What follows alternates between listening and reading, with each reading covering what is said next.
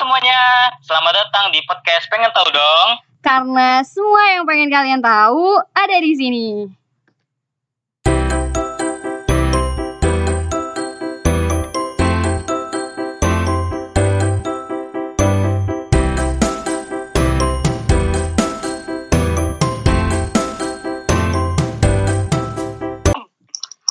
Assalamualaikum warahmatullahi wabarakatuh. Halo semuanya, balik lagi bareng gue Ayul Dan gue Abi. dan kali ini adalah episode pertama kita, episode pertama dari Pengen Tahu Dong. Dan kalau kemarin kan kita udah kenalan nih ya Bia. Iya Dan betul. Eh, para pendengar udah tahu siapa sosok di balik suara dari podcast Pengen Tahu Dong. Dan kali ini ini adalah apa ya episode pertama dan inti dari topik yang bakal kita bahas kali ini tuh cukup menarik gitu. Ya kan Bi, benar? Iya betul sekali Ayul, karena topik yang akan kita bicarakan ini adalah eh, sesuatu yang sudah ada di sekitar kita dan sudah ada sejak adanya manusia gitu. Jadi eh, gue yakin ini adalah bahasan yang cukup menarik untuk kita bahas bareng-bareng ya. Iya, bener banget. Menarik karena sangat relate dengan kehidupan kita. Dan langsung aja kali ya, tanpa berlama-lama, kita bakalan ngasih tahu nih kalau di episode pertama ini kita bah- bakalan bahas tentang habit. Benar, Bi? Iya betul. Oke. Jadi eh, di episode pertama ini kita akan ngebahas tentang kebiasaan manusia. Eh, di episode ini eh, kita berdua ngambil referensinya dari buku yang ditulis oleh Carles Duhigg, eh, The Power of Habit, Dahsyatnya Kebiasaan. Dan buku ini bisa teman-teman dapetin di Gramedia atau toko buku terdekat lah ya. Nah, ya bener banget, bener banget. Dan buku ini tuh sebenarnya buku yang apa ya, yang yang cukup eh apa ya terkenal, iya gak sih terkenal. Karena kayaknya banyak yang mungkin udah punya dan udah pernah baca bukunya atau mungkin kalau yang belum punya eh ini menarik banget karena kita bakalan bahas tentang ilmu atau ya ilmu deh ilmu tentang ini si habit ini dari buku ini secara lebih ringkas gitu. Bener kan bi? Iya, jadi buat teman-teman yang malas baca atau misalnya punya bukunya tapi nggak pernah dibaca-baca, Ya itu sering Nah, banget tuh kayak gitu kan bi? sering banget kan punya buku tapi jarang dibaca termasuk Iya, mungkin Ayu juga bisa mengaca pada diri sendiri ya. ya kadang juga gitu sih gue wah Iya. Nah, jadi eh, di sini kita akan membacakan gitu ya secara ringkas kepada teman-teman biar mengetahui apa sih sebenarnya isi dari buku ini. Ya, benar. Jadi kita bakalan eh, menyampaikan apa yang kita dapat, ilmu yang kita dapat dari buku yang kita baca ini. Dan langsung aja kali ya Bia, nih kita langsung bahas nih ke topik eh apa ya, tentang ilmu yang kita dapat nih dari buku The Power of Habit ini. Mungkin dari Abi bisa nyampein lebih dulu deh. Iya, jadi eh, untuk ngomongin soal kebiasaan ini ya, Yul, ya, kebiasaan Mhm. dari manusia, eh, pertama-tama kita harus tahu nih sumber dari kebiasaan itu dari mana. Nah, Hmm. jadi menurut buku ini eh, sumber dari kebiasaan itu adalah eh, dari otak. Nah, jadi kita ngebahas dulu tentang otak nih ya. Jadi secara sederhana otak kita itu bisa dianalogikan seperti eh, bawang bombay yang punya banyak lapisan. Ya, jadi eh, di setiap lapisan otak itu dia memiliki kemampuan ataupun fungsi masing-masing. Dan fungsi itu berbeda-beda tergantung lapisan kulit yang mana. Nah, eh di lapisan yang terluar yang dekat dengan kulit otak itu eh, fungsinya adalah mengambil alih kerja otak yang membutuhkan pemikiran yang kompleks. Nah, jadi eh, misalnya teman-teman sedang melaksanakan ujian matematika itu yang apa ya, yang mengambil alih kerja otak itu adalah lapisan terluar dari otak. Eh, terus juga misalnya membutuhkan apa ya, pemikiran yang kompleks seperti mikirin konten podcast itu juga diambil alih oleh lapisan terluar dari kulit kita, dari kulit otak kita Oke. gitu.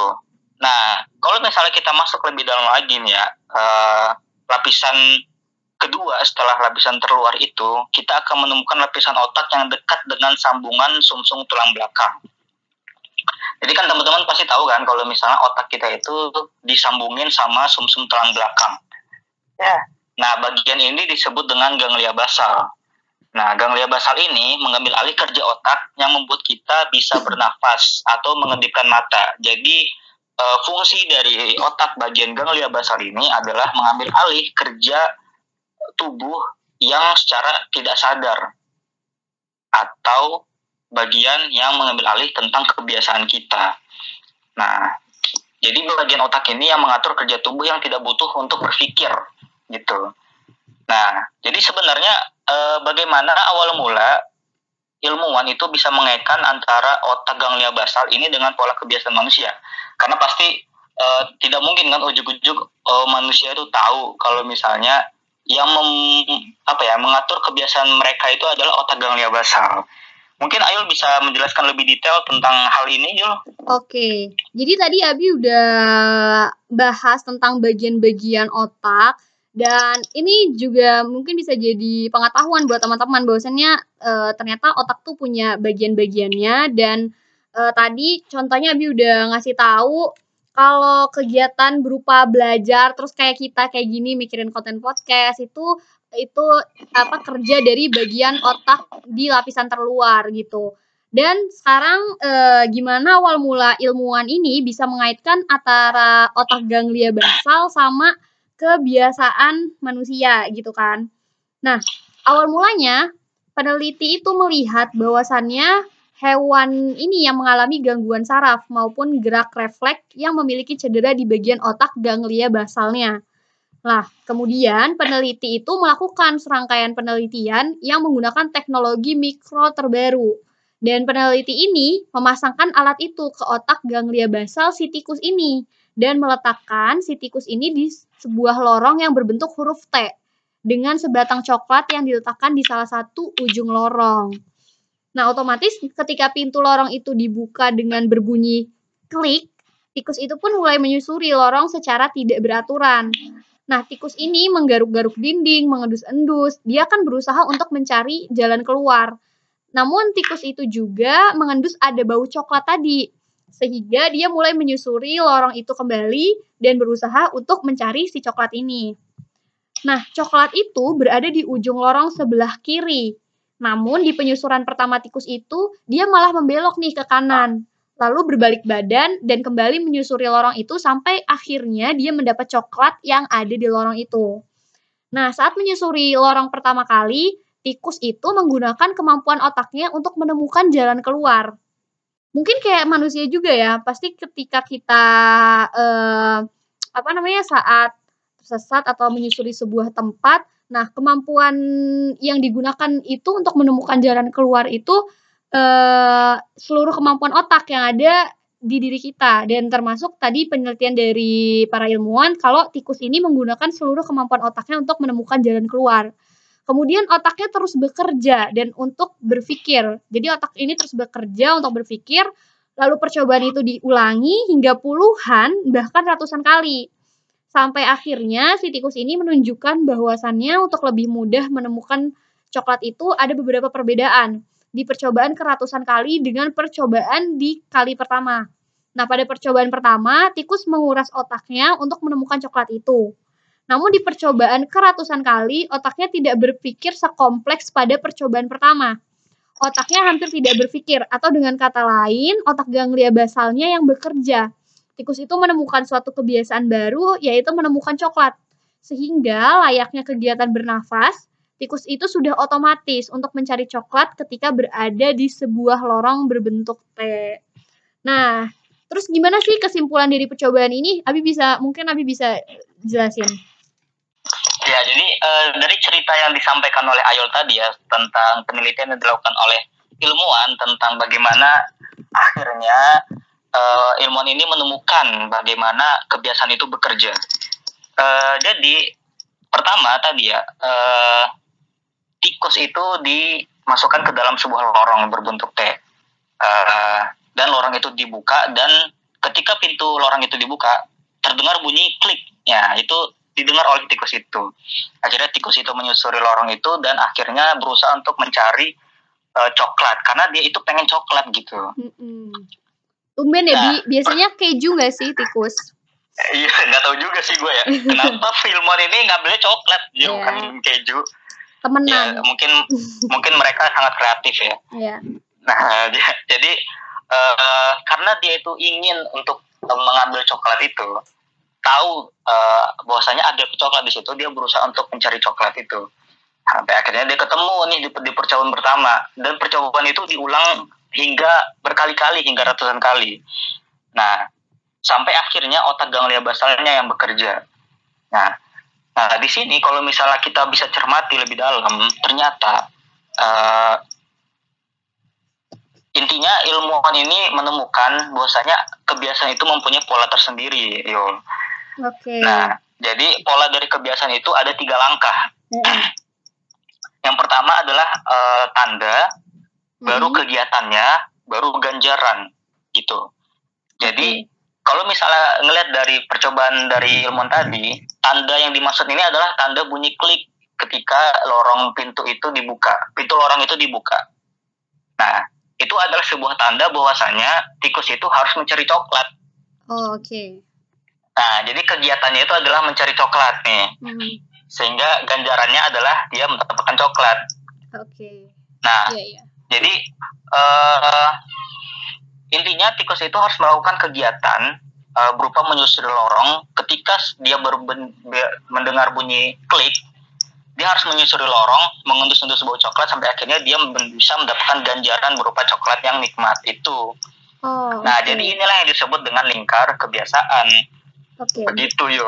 Berarti eh habit sendiri ini ada polanya gitu kan ya, Bia? Jadi Iya, berupa yang di berdasarkan penelitian harus ada kegiatan dan baru dari kegiatan itu akan mendapatkan sebuah ganjaran atau hasil ya dari eh, habit yang dilakukan.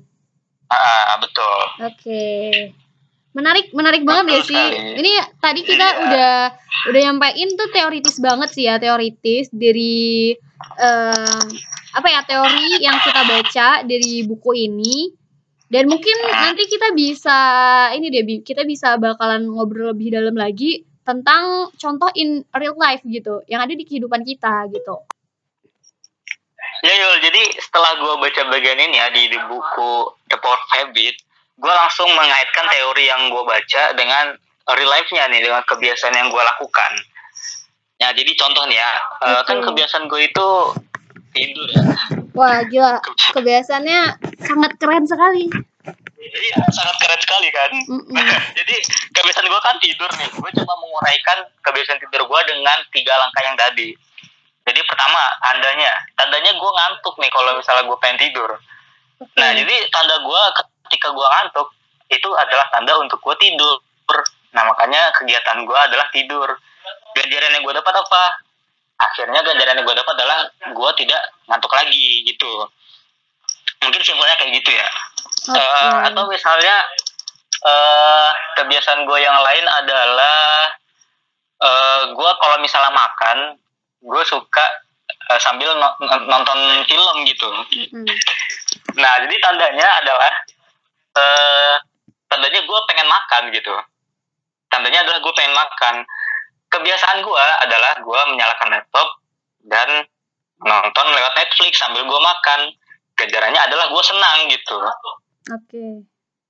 Nah, jadi ternyata setelah gue jabarin tentang tiga langkah kebiasaan ini, teori ini gue anggap relate gitu dengan kehidupan gue, dengan kebiasaan gue. Jadi gue sangat tergugah, gue sangat apa ya, gue sangat wow gitu dengan apa yang Wow. gue baca gitu.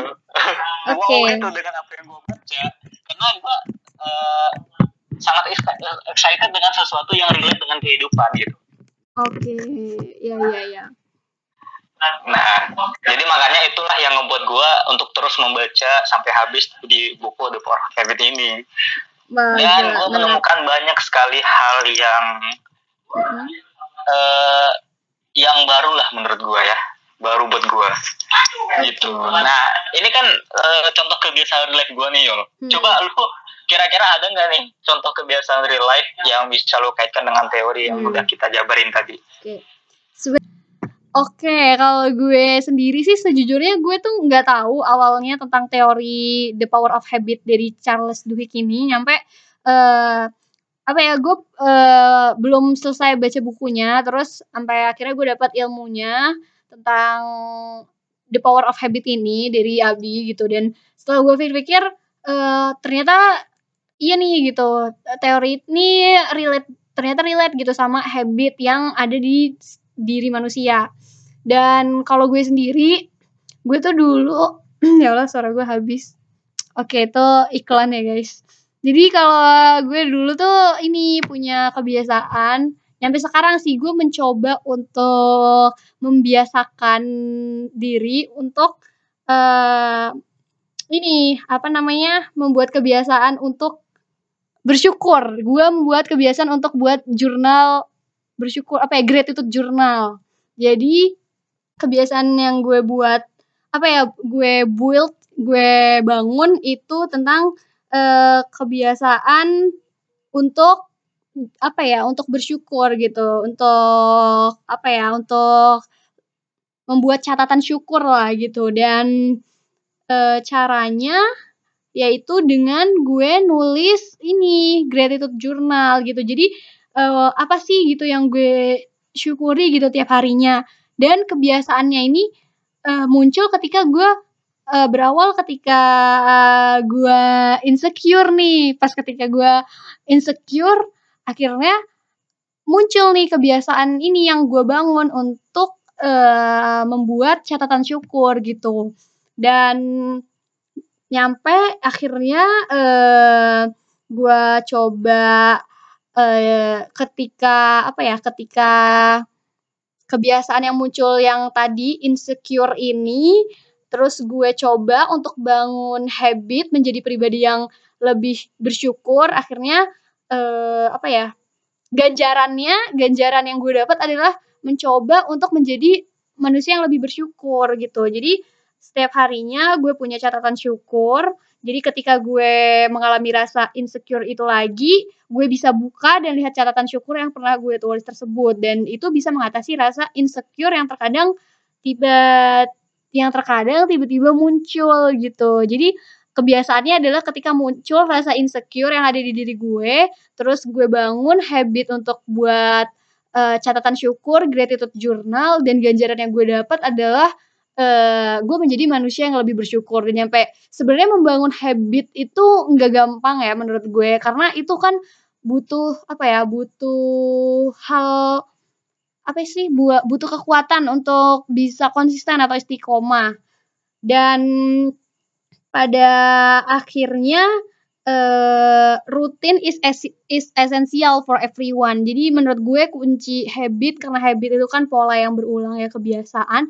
Jadi kuncinya itu adalah rutin gitu. Rutin is essential for everyone gitu dan pada akhirnya nyampe detik ini uh, gue coba bangun untuk uh, buat habit yaitu buat gratitude journal itu.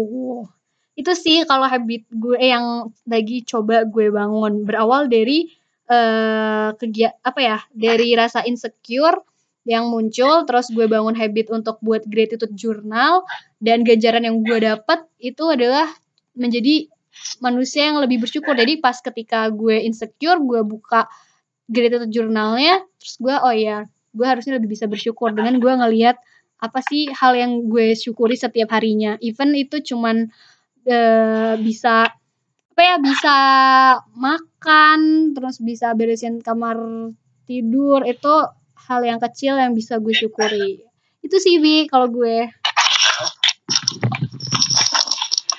Wah keren banget sih kebiasaan lu itu sangat bermanfaat ya tidak seperti kebiasaan gue tidur doang ya.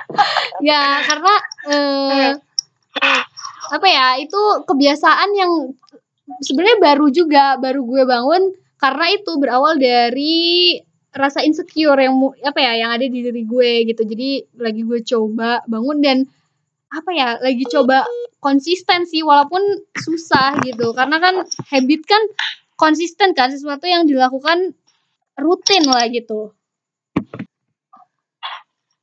Oke, jadi kan tadi Ayul juga menyebutkan kan kalau misalnya membangun sebuah habit ataupun mengubah sebuah habit itu adalah sesuatu yang sulit. Iya, benar banget. Uh, Ayul merasakannya karena sekarang sedang membuat sebuah habit yang baru. Mm-mm. Pun gue juga sebenarnya sedang membuat habit yang baru.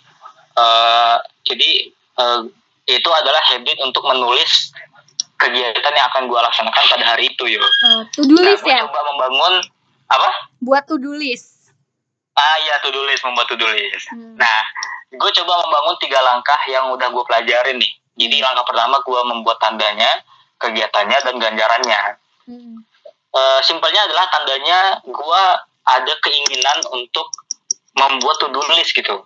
Tandanya itu adalah hari yang baru lah, Mm-mm. gitu. Tandanya adalah berganti hari.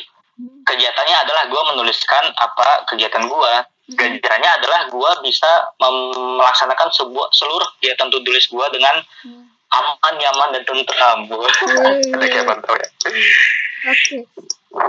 Itu habit yang lu bangun itu juga sama sih yang lagi kalau gue sih dari zaman dari zaman kuliah sih gue buat gue pasti punya buku catatan sendiri yang nulis apa ya yang isinya tuh do list gue gitu dan ganjarannya tuh ya kita rasain kayak seneng gak sih Bil kalau bisa apa ya mencoret satu persatu do list yang lu rencanain gitu Iya, ganjarannya itu kayak gue merasa kayak, aduh anjir gue produktif banget tuh. Oke. Jadi apa ya, yang gue rasakan adalah gue lebih nyaman aja gitu dalam melaksanakan aktivi- aktivitas. merasa menjadi Gitu. orang yang lebih produktif lah ya. Terus kita Iya, jelas sih gitu, jelas gitu kayak nggak luntang-lantung lah gitu kayak setidaknya Eh, ya ada ada suatu hal pro walaupun sedikit keproduktifannya jadi apa ya setidaknya memberikan efek positif lah ya kan.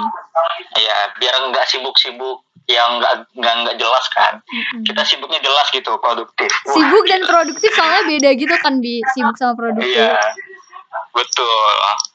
Termasuk kita Apa nih perbedaannya? bedanya ntar kita bahas di next episode. Nah, ini Ayul. so sibuk apa so produktif nih bi? Waduh. Kayaknya lebih mending eh, so produktif kali ya. Iya. Enggak lah, produktif aja lah ya. Iya, jangan jangan yang sok lah. Yang penting sibuk dan produktif. Ayo, iya. Tapi kalau Nah, jadi- kita Kalau kita apa nih? Itulah ya. ya. Bisa disimpulkan sendiri lah ya.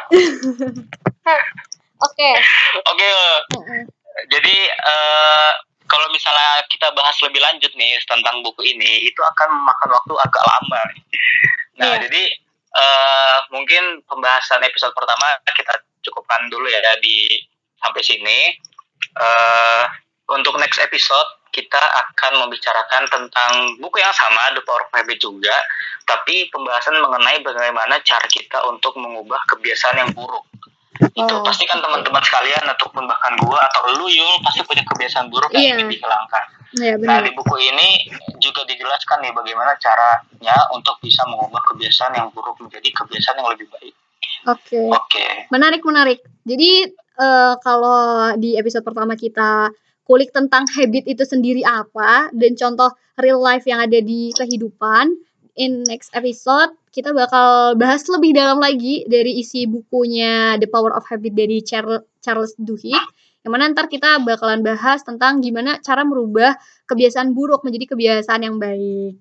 Untuk itu, buat teman-teman otomatis harus tetap stay tune di pengen tahu dong ya Bi ya Bi, iya, bener sekali. karena semua yang pengen kalian tahu ada, Ada di, di sini.